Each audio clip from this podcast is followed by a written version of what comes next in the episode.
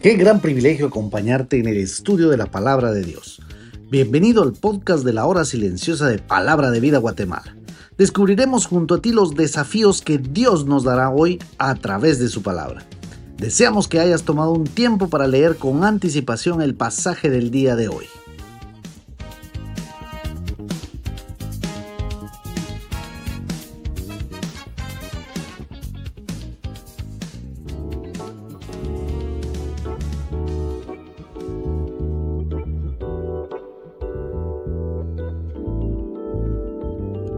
Te saluda Ronnie Ejín en este hermoso fin de mes y dándote la bienvenida al comentario de la hora silenciosa de Palabra de Vida Guatemala.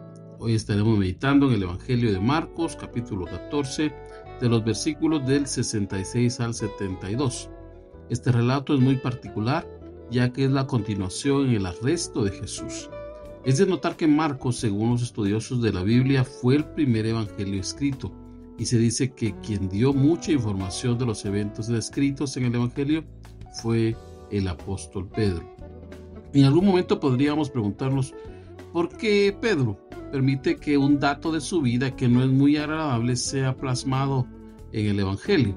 Creemos que la verdadera vida del cristiano en muchas ocasiones sufre altibajos y es en esos momentos donde vemos la buena mano del Señor. La historia de Pedro no es muy diferente que la nuestra. El pasaje es titulado por los cuatro evangelistas como la negación de Pedro. Se dice en los versículos anteriores que Jesús estaba siendo juzgado en la noche en la casa del grupo de sacerdotes. Esta práctica era ilegal. Y es ahí, en ese lugar, en el patio, en la parte de abajo, que nos dice el escritor que Pedro estaba con un grupo de personas que eran parte de alguna forma de este juicio realizado a escondidas. Pero ¿por qué se dio este suceso? Bueno, tenemos que decir que Pedro desobedeció a Jesús. En el capítulo 13 del Evangelio de Juan, en los versículos del 36 al 38, Pedro pregunta a Jesús a dónde iría.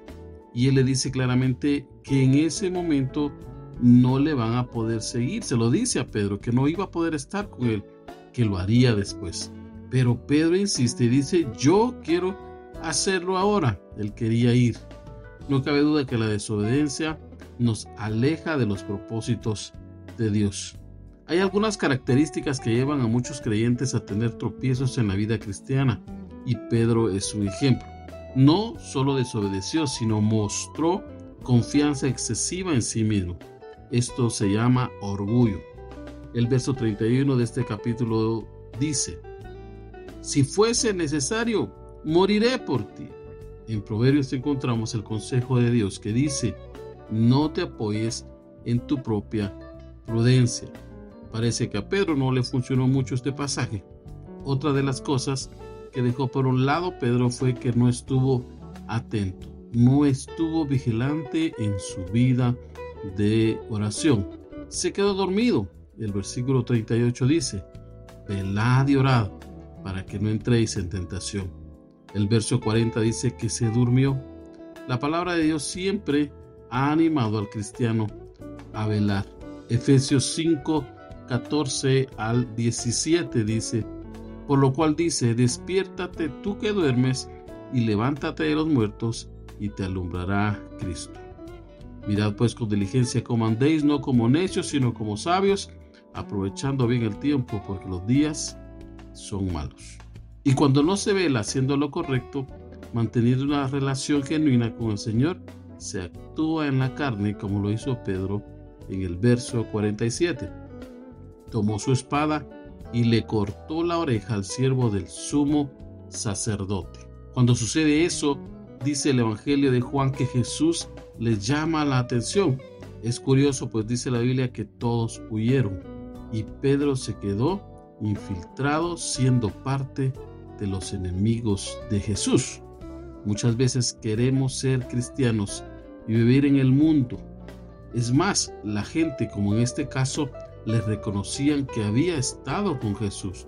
Su forma de hablar lo delataba, pero le negó maldiciendo. ¿Te has puesto a pensar cuántas veces has negado a Jesús? Tú dirás, pero ¿cómo?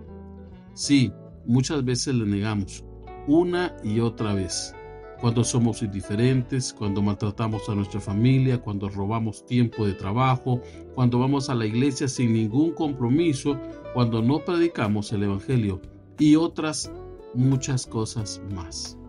Bueno, podríamos escribir y hablar mucho de Pedro y seguir sacando verdades de todo esto, pero el tiempo no lo permite. Cuando el gallo canta, Pedro se encuentra con una verdad muy importante. Había olvidado la palabra que Jesús le había dicho. Cuando el gallo cante, Pedro, me negarás tres veces. Por eso vívelo. Algunos consejos para no negar a Jesús. La palabra de Cristo mora en abundancia en vuestros corazones. Colosenses 3:16. Jesús dice, santifícalos en tu verdad. Tu palabra es verdad. Evangelio de Juan. Josué 1.8 dice que nunca se aparte de tu boca este libro de la ley.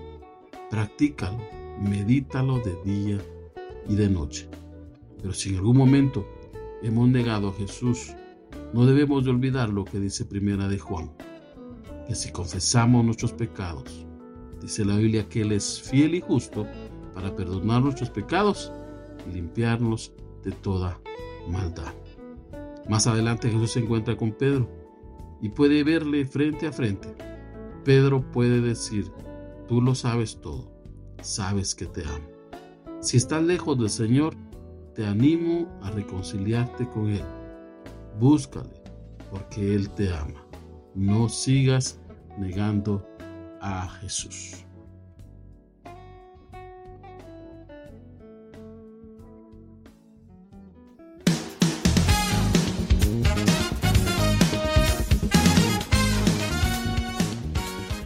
Es emocionante saber los tesoros que Dios tiene en su palabra para nosotros.